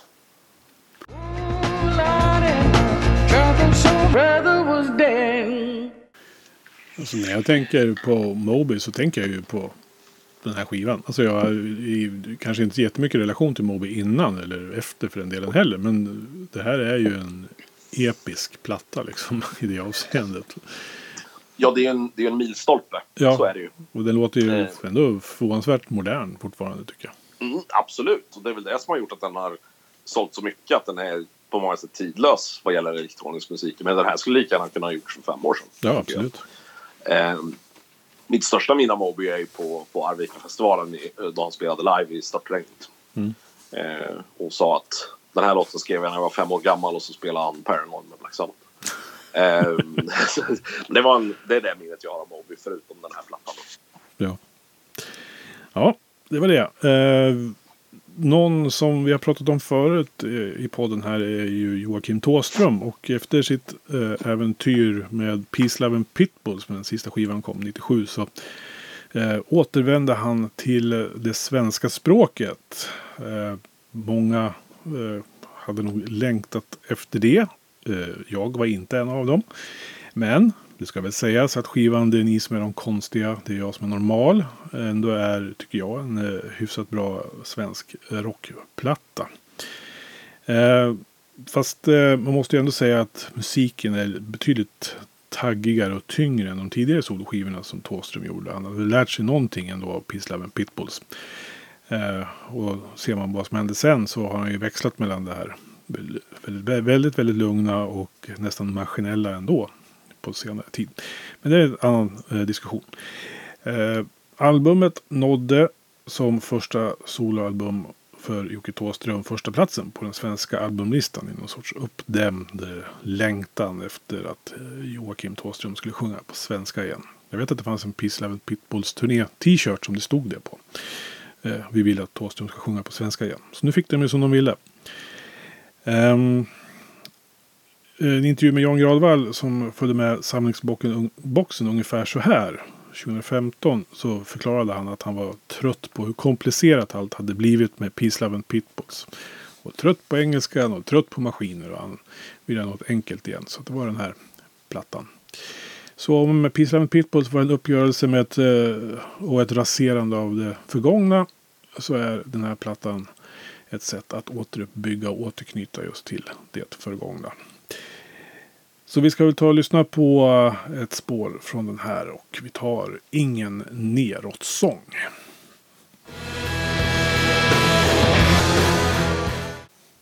Jag har sagt det förut i den här podden tror jag och jag kommer nog aldrig sluta säga det men Thåström är en av få personer som kommer undan med svenska för mig. Eh, jag, har, jag har generellt sett väldigt svårt för artister som sjunger på svenska för att jag tycker det låter konstlat.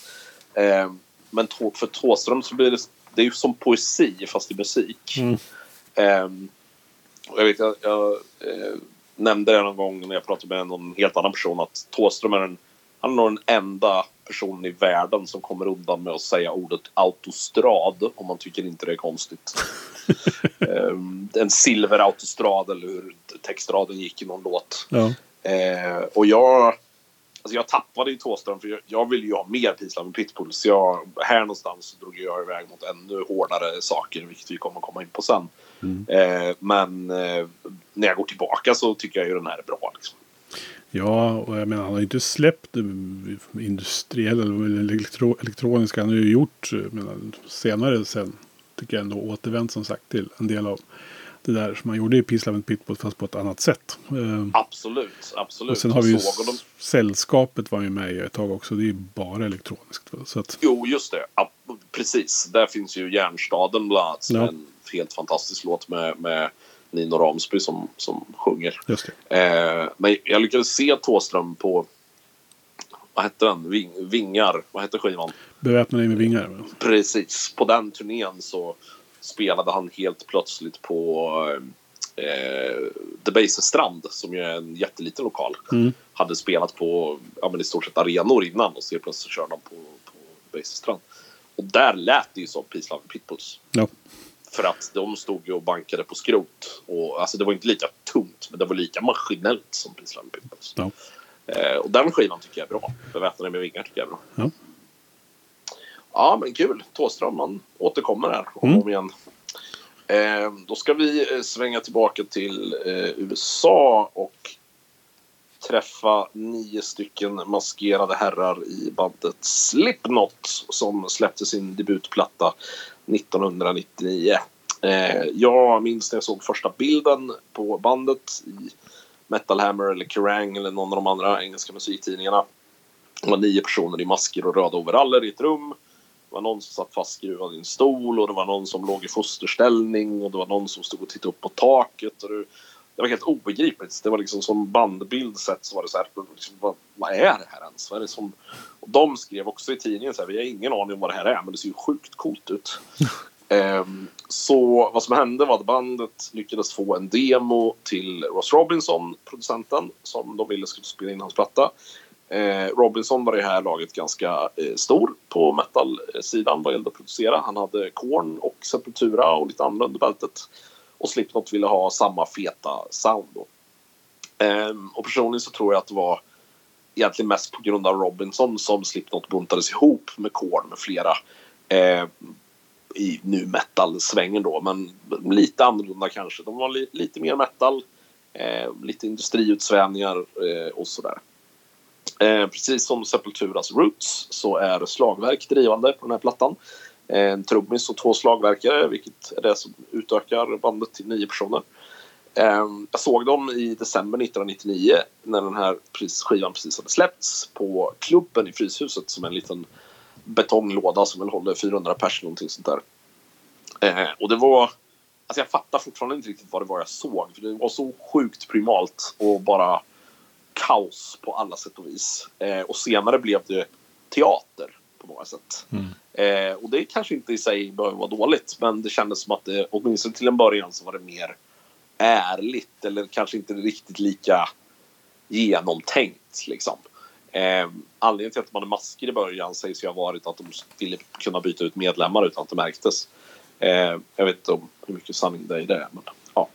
eh, nu ser jag i alla fall den här eh, självbetitlade debuten som ett embryo av det som kunde ha varit. Eh, när uppföljaren Iowa kom sen så blev jag helt golvad av den. Eh, men jag tycker inte den har hållit över tid alls. Den är ju ännu mer liksom, metal, thrash och, och lite dots och sådär. Eh, låtarna på den här plattan istället är väldigt råa. Eh, skulle ha mått bra av att strukturerats lite mer. Eh, men framförallt tycker jag att det finns en nerv här som bandet kunde ha byggt vidare på för att jag skulle ha tyckt att det fortsatt att vara ännu bättre. Eh, mer maskiner kunde de ha kört, mer samplingar, längre låtar. Eh, och inte så mycket hårdrock som det blev sen både i image och i sound. Eh, det hade dock inte varit lika kommersiellt gångbart såklart. Eh, och Slipknot har ju växt till att bli ett av de allra största eh, metalbanden i den här typen av, av musik.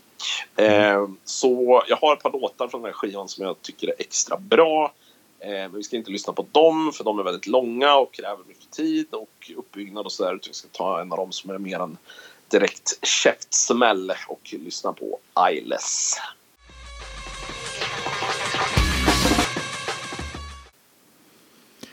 Så jag gillade ju Slipknot när de kom. Men det är väl det där, man är uppväxt med Alice Cooper och Kiss. Liksom. Så att man blev lite såld på hela den här overall och mask-grejen i början. Eh, musiken, ja den var väl okej. Okay, men jag tror, för mig var det mycket ett imageband sådär med hela den här grejen. Vilket gör att idag när man vet vilka de är och att det inte liksom de har liksom solokarriärer och man vet vilka de är. Då har magin lite försvunnit för mig. Mm, jag håller med. Alltså, mm. Jag hade ju gärna sett att man inte ens fick namn på dem. Nej, precis. Jag hade gärna sett att de hade fortsatt att bygga upp det, alltså bara bygga det som en myt. Liksom. Ja. Eh, och, och, jag vet det här du sa, menar, att Kiss hade gjort det och, och Alice Cooper hade gjort det och hej och Jag var och såg dem igen några år senare. Och då gick jag dit med en kompis som är ja, men uppvuxen med Black Sabbath och mm. framåt. Eh, så han satt där bredvid mig och sa ja det där gjorde Mötley Crüe 1987. det där gjorde Kiss 1976. Och man bara, ah, men sluta, kan du inte bara titta? Ah, nej, det går inte. Nej. För du vet, det var, det var snurrande trumset och ja, ja, ja. Liksom hela, hela den här biten som alla andra hade gjort tidigare. Men, nej, nej, men jag kommer tillbaka till en fyra, fem låtar fortfarande på den här debuten. Eh, och ja, det var också en viktig, viktig platta. Absolut, vi gillar Slipknot för det. Eh, Ska vi dra lite mer hårdrock då? Eh, fanns ett band som heter Drain. Och kanske använder man förkortningen också Drain Stockholm ett tag. På grund av någon sån här eh, copyright-grej. Men eh, hur som helst, man hade släppt en platta tidigare. Eh, och det här var ett band som bestod av fem damer som spelade svintung hårdrock i bästa Eh, både klassisk hårdrock men också liksom 90-talsdoftande med vibbar från både Alice in Chains och annat. Eh, på den här plattan så tog man hjälp av både Max Martin av alla människor eh, på en låt som heter Simon Says och Tony Iommi, gitarristen i Black Sabbath som ja, folk säger uppfann hårdrocken. Jag vet inte. Men han var med och skrev riffet till låten Black i alla fall. Ehm, Bandet fick göra Ozzfest redan 97 efter första skivan. Men fick då åka iväg eh, tack vare eh, den här plattan och kanske sin kontakt med Tony Iommi naturligtvis också på Ozzfest 99. Eh, alltså man vet, jag vet inte så mycket om bandet i sig och sådär. mer än eh, det jag har sagt. Och bandet lades ner 2000. Och Maria Sjöholm som sjöng i bandet. Hon gifte sig med Tony Iommi dessutom. Eh, och har nu lagt ner musiken och lever en sorts hemmafruliv i Birmingham. Och eh, de andra fortsatte med lite andra projekt men ingenting som har liksom gjort något större avtryck så som Drain gjorde på sin tid. Skivan heter Freaks of Nature om jag inte sa det i början. Och eh, vi ska ta och lyssna på låten Enter My Mind.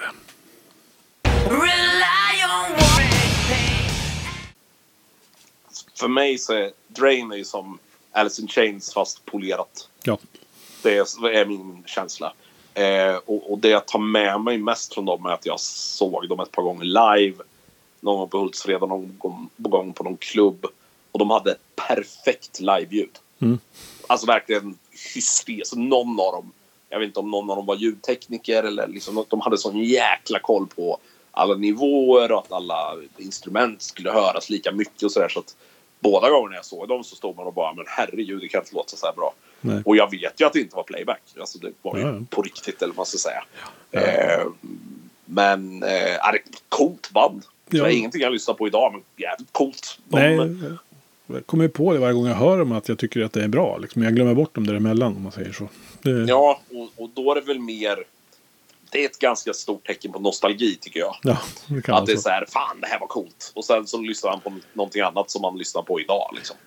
Det, Eh, men de, de, var, alltså, de fanns där. Jag hade alla plattorna ett tag. Att, ja, men det märks ju att de tog i från knäna på den här plattan för liksom att kanske försöka sig på något så här större break. Liksom. Eh, Det känns som en sån skiva som skulle kunna ha blivit det. Eh, Men jag gillar ju faktiskt den som kom innan som jag inte minns namnet på just nu. Men den tyckte jag var eh, lite, lite råare eller vad man ska säga. Eh, mm. Men, jag eh, tänker vara ännu mer musikelitist och säga att jag gillar den första EPn de släppte bäst. Ja. Men nej, det, det finns med någon låt där som inte är med på fullängdaren som jag tycker är den bästa. Clothera tror jag den heter som är riktigt, riktigt bra. Det är inte Eh, demon du gillar bäst då? Vad sa du? Det är inte demon du gillar bäst då? Ja, exakt. Det Deras gamla band. Ja, precis. Innan de blev Drain. Mm, exakt. Eh, nej, men så är det som sagt kul. Ja. Eh, nu ska vi bli riktigt, riktigt hårda. Eh, ska ge oss in på en genre som eh, också har ett jäkligt dåligt namn som kallas för mathcore. Som enkelt förklarat är eh, hardcore med lite mer udda takter och eh, mer experimentanda. Eh, och här stod jag lite och, och valde mellan huruvida jag skulle ta med Dillinger Escape Plan eller Bort som är de eh, två viktigaste banden för genren skulle jag säga. Eh, och jag valde Bort och anledningen till det är att eh, Dillingers första platta som kom 99 tycker jag inte är särskilt bra. Eh, och Botch tycker jag är bättre. Så det fick bli Botch. Eh, plattan som heter We Are The Romans är släppt på Hydrahead som är ytterligare ett av de här viktiga skivbolagen som vi har pratat om genom poddserien. Eh, skivbolaget är grundat av Aaron Turner som sjöng och spelade gitarr i bandet Isis. Eh, Hybrahead har släppt grejer med band som Converge, Cave-In, Roses, Pelican med flera. Har ett väldigt, eh, ska jag säga, solitt rykte i, i den typen av metalkretsar. Eh, lite smalare sådär. Så de, har, de har varit ett viktigt skivbolag. Så. Eh, Botch lyckades bara spela in två riktiga fullängdare innan de la ner. Eh, på grund av kreativa meningsskiljaktigheter. Eh, We Are The Romans spelade de in tillsammans med Matt Bales som också hade jobbat med, eh, eller sen dess har jobbat med Mastodon, Deftones, Isis, Pearl Jam med flera. Och de turnerade med bland annat eh, Dillinger Escape Plan och Poison Well. Ehm, det som är lite roligt med Botch är att de redan sedan början har de drivit ganska mycket med hardcore-scenen som de tycker tar sig själva på alldeles för stort allvar. Eh, och det är någonting som åtminstone jag har märkt med alla hardcore-spelningar jag sprungit på att det är väldigt många band som inte kan ha glimten i ögat överhuvudtaget. Eh, och Botch tyckte att många av de här banden använde politiska ideal som marknadsföringsknep istället för att faktiskt stå för någonting. Eh, så att man hoppade på eh, ja, men, veganrörelsen eller man hoppade på eh, att inte ta droger och allt det där bara som ett marknadsföringsknep istället för att faktiskt tycka att det var någonting som, som var bra att göra. Då. Eh, Bort är dock ändå väldigt samhällskritiska så som många hardcore-band är eh, och det återspeglas i texterna såklart. Eh, skivans titel We Are The Romans syftar på hur att amerikanerna är de nya romarna eh, och att folket är uppdelat i kejsare och slavar. Så eh, nu blir det lite svårlyssnat. Så vi kör eh, från plattan We are the Romans Transition from Persona to Object.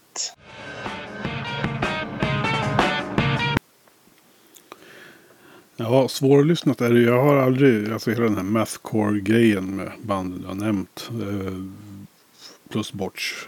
För mig, alltså egentligen borde jag ju, min, min den här, du vet, jazz-nerven och gilla Primus och alla de här aviga banden. Det här borde tilltala mig. Men eh, fastnar inte riktigt sådär. Men eh, ja, så jag har svårt att säga om det här är bra eller dåligt. Ja, och det är också lite sådär att man kan... Det är skillnad på bra och bra. Alltså, jag, har ju, jag har ju vänner som lyssnar på de här banden för att de är duktiga. Ja, Alltså jag kan liksom tänka mig det. tekniskt duktiga sådär. Ehm, jag har ju gått på Dil- Dillinger Escape Plan-spelningar där det slår folk i, ja men inte vet jag, Siljan t-shirts eller Gibson t-shirts längst bak med armarna i kors och bara shit vilka bra trumtakter. Du vet, Ja, ja, ja. Ehm, men just Borch tror jag aldrig riktigt han hamnade där för de, de fick liksom inte så mycket exponering så att de var mer ett hardcore-band liksom, för hardcore-scenen. Sådär. Mm. Eh, och jag, den här skivan tycker jag är svinbra fortfarande. Den slår mycket i, i genren och det är verkligen ja, det är full gas från start till mål. Liksom. Absolut. Ja, apropå full gas då. Eh, ska vi ta och lyssna på lite thrash metal, tycker jag. Eh, vi beger oss till The Bay Area utanför San Francisco i Oakland. Där hittar vi Testament. Ett band som gjorde sig känt på 80-talet. Eh, som liksom skvalpade lite utanför de här eh, som man brukar förknippa med thrash metal från 80-talet. Alltså Slayer, Metallica, Anthrax och Megadeth. Utan Testament var, man ska vara lite elak, divisionen under. Tillsammans med Exodus och Death Angel och de här andra banden. Eh, det här är deras åttonde platta och det blev av någon anledning en av deras hårdaste. De har allt, lutade betydligt mer mot death metal på skivan innan. och eh, För att liksom förnya sig tror jag på något sätt. Men på den här plattan, eh, The Gathering, som vi ska prata om. Så eh, hittar man liksom balansen mellan thrashen och dödsmetallen. Och eh, man pratar ju lite om den här döds... Mm, thrashen som kom sen med eh, på 2000-talet. Eh, och jag skulle säga att den här plattan är nog lite av den eh, eh inspirationen. Skulle jag säga. Eh, Chuck Billys röst, alltså hans sångaren. Eh, han har alltid haft en bra röst men här blir han ju någon sorts monster. Och det, han sjunger fantastiskt tycker jag på den här skivan. Också värt att notera att Slayers trummis Dave Lombardo står för takten här.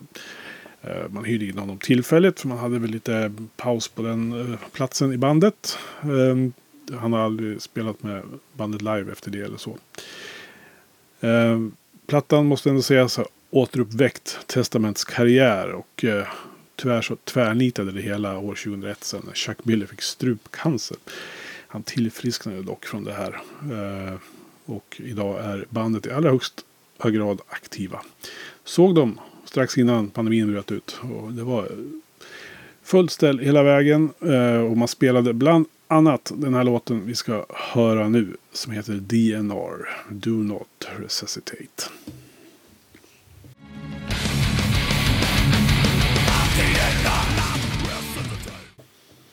Jag tror jag har en, en enda testamentplatta har jag. Om den heter Demonic tror jag. Just det. Eh, som väl är en av deras hårdare Mm. också. Kanske var den som kom innan den Det, här. var, det kan nog stämma bra det. Ja, exakt. Den som börjar med den fantastiska nedräkningen 10, 9, 8, 7, 6, 6, 6 och som Mm. drar igång. Um, alltså Testament är så här, det är lite för, det är lite för trashigt för min smak egentligen. Eh, men de är ju inom genren ett av de här viktiga banden. Jag menar utan Testament så skulle ju aldrig band som Machine Head finnas till exempel som jag håller väldigt högt. Eh, så att, eh, nej men de är viktigt band, inte min grej men eh, fan det, de piskar på bra. Mm, det är lite roligt. Jag såg dem spela i Västerås för många år sedan av alla ställen eh, på en liten klubb. Eh, de hade lyckats boka dem. Eh, och eh, det var 300 i publiken eller vad det var. Det var en morspit som snurrade runt hela stället kan jag säga. Alltså från vägg till vägg. Det var ingen som fick stå kvar. Eh, när, när de körde i, into the pit. Eh, och sen eh, i just den här låten, DNR, så missar de introt, vilket var jätteroligt. För de bröt nog då och fick göra om det.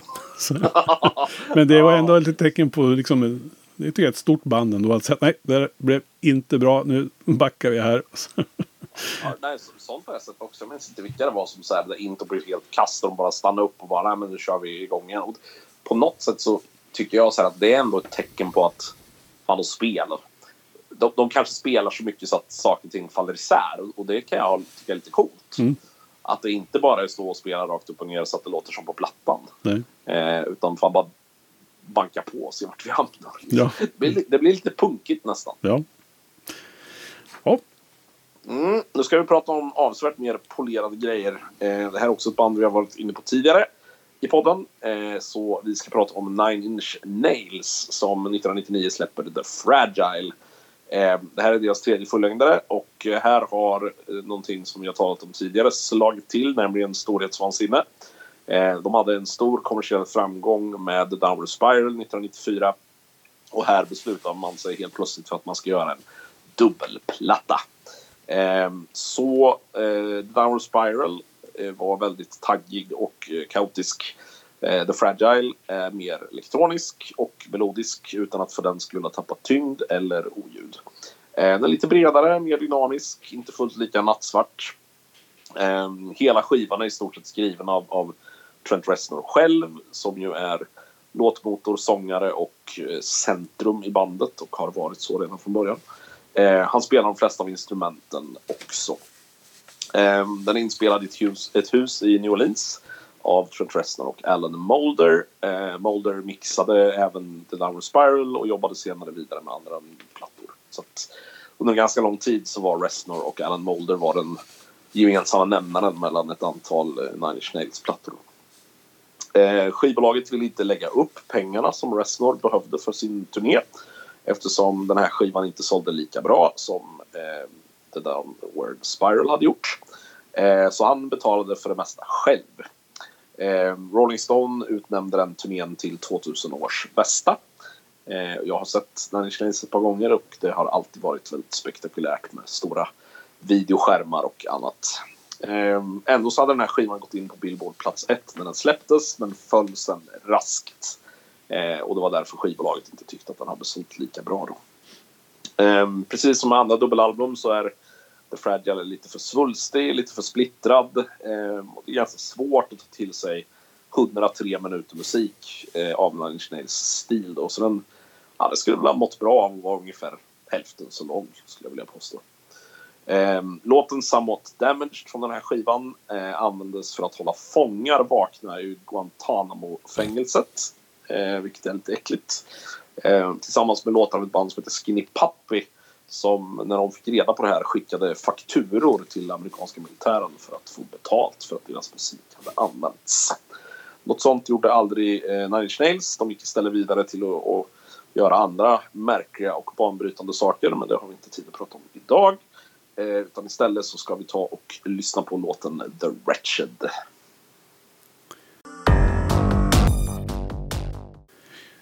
Jag håller med dig om att det är lite för mycket. Men det här, den sällar sig den här plattan tycker jag till de här andra vi har pratat om. Eh, jag menar Smashing Pumpkins gjorde ju Melancholy där. Eh, Guns N' Roses gjorde två, Use Your Illusion och eh, ja, allt vad det har varit. Det är många dubbelplattor på 90-talet. Eh, men samtidigt så om man bara ser det för låt för låt så där så är det, finns det inget som jag tycker är dåligt här egentligen. Men det det, där, det är mängden tror jag som gör att den här skivan blir lite för jobbig alltså. Ja, absolut. Det finns ju inga, det finns inga dåliga låtar på den. Så. Eh, jag har lite svårt för Nine Inch Nails ibland för de har, insett, har jag insett på äldre dagar att de har väldigt pubertala texter många gånger. Mm. Men liksom låtarna i sig, skulle jag splittra upp det här på två skivor så skulle det vara två bra skivor. Mm. Det är bara det att sitta och trycka igenom två stycken på en gång, det blir lite mycket. Liksom. Ja. Eh, och jag hajar att det var inte helt lätt att sälja den här jämfört med The Downward Spiral som var mycket mer rak och in your face. Sådär. Eh, men eh, nej, men det här var ju... Jag lyssnade på den här hela tiden när den kom. Och jag tar fortfarande fram några låtar som The Wretched bland annat ibland. Eh, Så att det var, ja det är, en, det är en stor platta och även den låter som att den skulle kunna vara inspelad idag. Ja. Ja, vi ska prata om en annan eh, av 90-talets giganter här som eh, släppte en soloskiva efter att eh, Soundgarden hade gått på paus eller vad man nu hade gjort efter Down on the Upside. Vi pratar om Chris Cornell och skivan Euphoria Morning. Eller som titeln som ändrades sen vid återsläppet 2015 till Euphoria Morning, alltså som i sorg istället.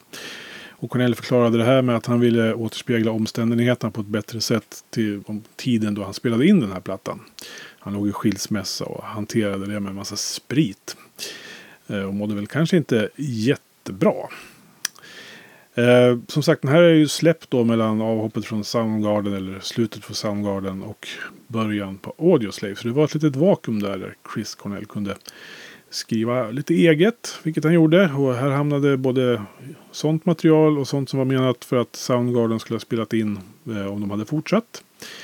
Eh, jag tycker kanske att det här är en lite bortglömd och underskattad platta. Det är väldigt fina låtar egentligen. Och Cornell han är ju en fantastisk sångare och musiker. Måste jag säga. Och det har ju bevisat under både Soundgarden och det han gjorde tidigt där. Och eh, på den här skivan som jag tycker att som jag tycker på något sätt förtjänar att hållas fram lite bättre än vad den har gjort.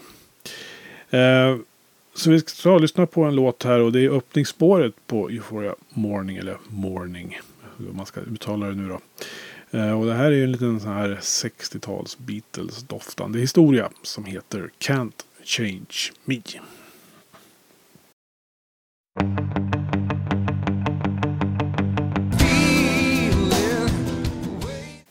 Den där skulle jag passat in på vilken Soundgarden-platta som helst egentligen. Mm. Eh, alltså jag, jag håller med när jag tycker den här är lite bortglömd. Eh, på samma sätt som, som sista Soundgarden-plattan är lite bortglömd Mm. också. Eh, och jag, helt ärligt, så för, jag förstår inte vart Chris Cornell gömde sina stämband när han var med i Audioslave. Nej. För att liksom rösten som man presenterade i Soundgarden och även live med de här grejerna är ju mil bättre än det han gjorde i Audioslave sen.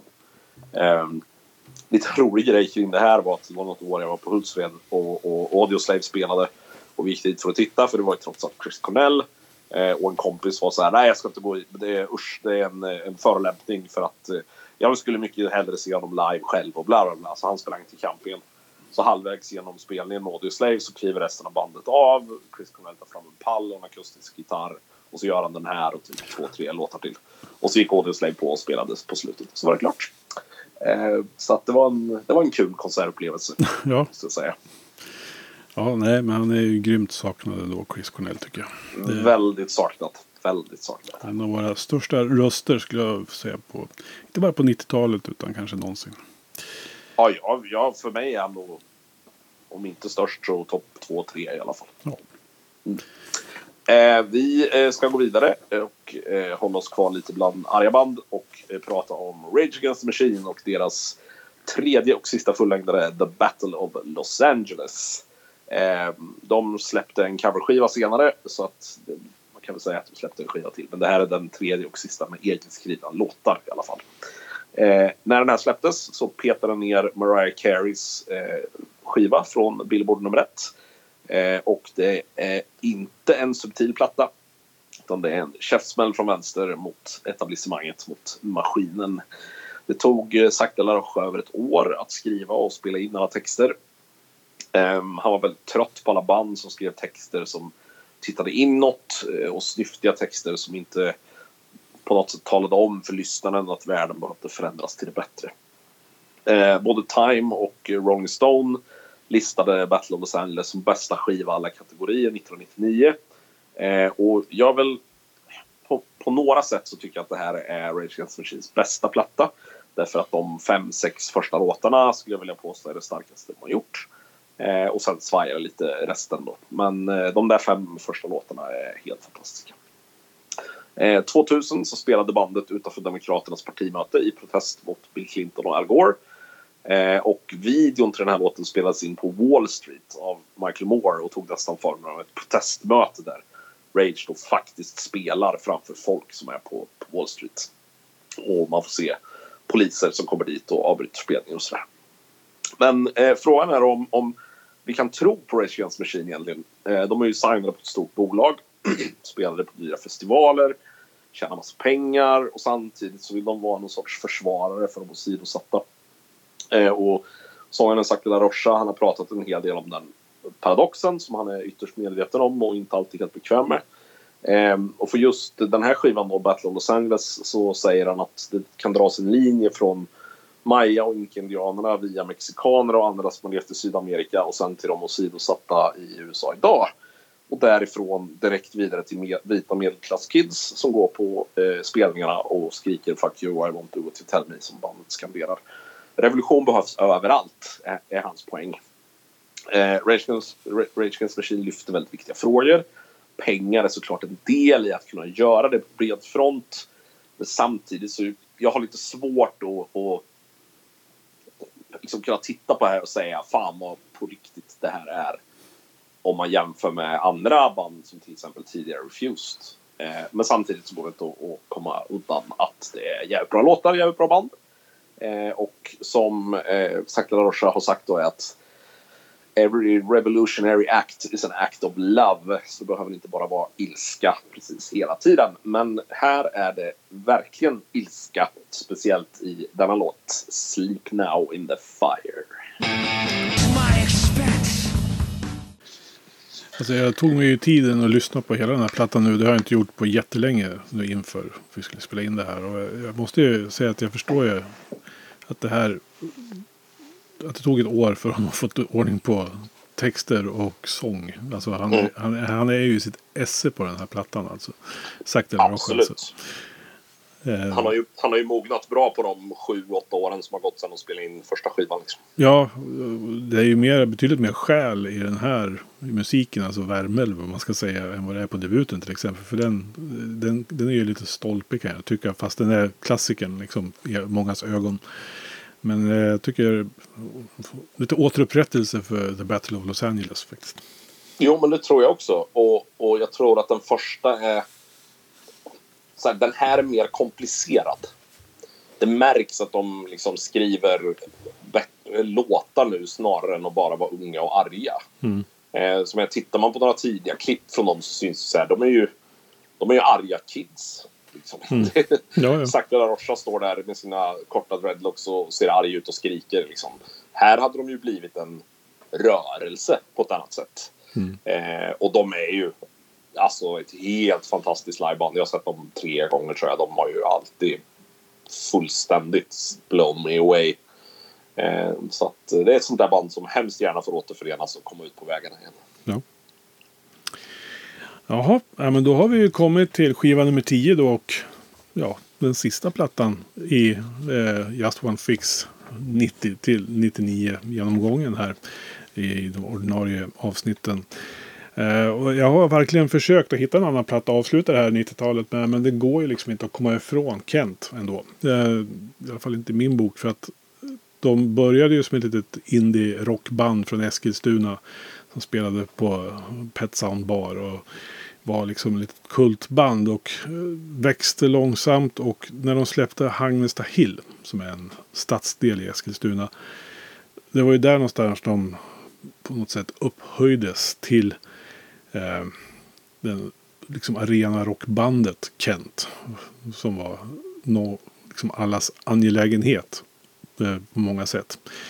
Eh, och den här skivan innehåller ju många av deras större hits. Och man kan tycka mycket om Kent. Och eh, jag måste väl ändå få komma ut här lite som Jocke Berg-fan ändå. För jag gillar hans eh, texter. Speciellt den äldre Jocke Berg. När han börjar få lite så här medelålderskris. Och jag tycker han beskriver eh, en, en generation. Kanske 90-talet. De som var i vår ålder. Den här åldern på 90-talet.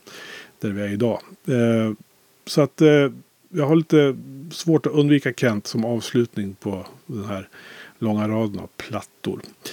Eh, jag ska inte säga så mycket mer om den här plattan utan jag tycker vi ska ta och eh, lyssna på eh, låten En himmelsk drog. Alltså jag, jag stod lite i valet och kvalet om jag skulle be dig avsluta med en annan låt än den här. eh, för alltså jag, jag hymlar inte med att jag, jag tål inte Kent. Nej, jag jag har aldrig gjort det. Eh, och, och det är inte... Jag tror inte det handlar så mycket om hur de låter som det faktum att de sätts på en pedestal som jag inte förstår. Eh, men eh, det är inte kast. Så, okay, det är det bästa jag kan säga om, om Kent. Eh, jag fattar deras storhet, om jag får säga så. Ja, nej, men de är ju, så kan jag hålla med om att de är provocerande pretentiösa. Är de ju också. Det är i sig inget fel. Alltså jag, jag ska ut... Alltså jag lyssnar på band som är tio gånger pretentiösare än vad Kent någonsin har varit. Men eh, nej visst, de... Och det är ju en grej såklart. De jobbade ju för att provocera de som inte gillar dem.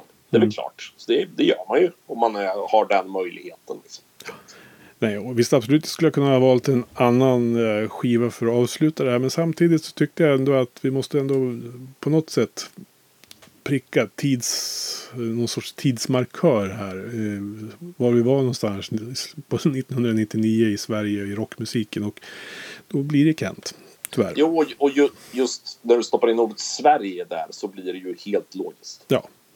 För att alla de här andra grejerna vi har spelat förutom Tåström då har ju liksom övervägande varit amerikanskt det här avsnittet. Mm.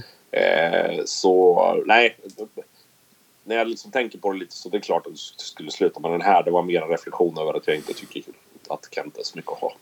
Ja, jag förstår. Men så väl, nu har vi kommit till eh, vägs ände här i alla fall i Just One Fix. Eh, och vi har gjort tio år av musik, minnen och nyheter och populärkultur. Vi har ju verkligen grävt ner oss de här senaste månaderna som har tagit att spela in den här poddserien. Ehm, så bara så här, lite reflektionspass så här på slutet eh, av den här, det här poddäventyret. Ehm, lite statistik. Vi, vi har ju valt liksom låtar från typ 100 plattor. Eh, och egentligen är det ju betydligt fler plattor än det eftersom vi har lite extra material, liksom extra skivor i våra personliga minnen och sådär. Uh, har, du och jag har pratat tillsammans i 15 timmar nu. Om, det är ganska imponerande. om 90-talet. Mm. Eh, och vi har liksom totalt producerat 20 timmar podd om 90-talet. Och vi har 50 sidor manus liksom, som vi har skrivit tillsammans. Vad- Du, du reflekterar över det lite i början att du var mer manus än du är van vid. Eh, Jag har aldrig skrivit manus till en podd. Så att, eh, det, det här, och det här är oerhört eh, ambitiöst. Det har varit jätteroligt. Alltså jag tycker vi har... Det har liksom tvingat en att anstränga sig på ett sätt som jag inte har gjort på väldigt länge. Vilket varit extremt kul. Men har vi liksom... Har vi ändrat vår syn på det här årtiondet på något sätt? Mot vad vi hade när vi började med det här. Jag menar, vi har ju pratat mycket om 90-talet förut. Men nu har vi ju liksom riktigt analyserat det här på något sätt. Ja, alltså tidigare så när vi har pratat och skrivit om 90-talet och sådär så har det ju handlat bara om musiken egentligen. Mm. Och nu har vi ju på något sätt sett det genom lins... Det här kommer låta pretentiöst, pretentiöst, men genom linsen som är vårt eget liv. Liksom att man har filtrerat det på något sätt hur... Vilka... Vart man själv har varit i livet i relation till musiken. Mm. Om man ska säga så. Då. Så jag tror att jag har både, dels har jag hackat bort lite rosa skimmer över 90-talet. Eh, men så har jag samtidigt höjt delar av det. Så jag tror att min liksom så här känslomässiga upplevelse om jag tittar bakåt har blivit bredare av 90-talet. Jag har insett att en del saker var sämre och jag har upptäckt en del saker som var bättre. Ja, jag skulle nog kunna hålla med i den analysen. Och på något sätt så har man ju... Jag har nog ändrat lite perspektiv på det. För mig var ju... Innan vi gjorde det här så var 90-talet bara ett nostalgiskt minne man hade. Liksom. Eh, som var viktigt i ens liv den tiden och sådär. Men som du säger, nu har man ju belyst det från lite olika håll och insett saker om, om den här tiden. Och, och om sig själv, om hur man var. Liksom, och vad man gjorde och vilka val man gjorde under de här åren. Ehm, så det har varit ganska spännande. Jag, man har grubblat lite mer på sig själv, om sig själv än man kanske har gjort förut. Vilket har varit lite nyttigt.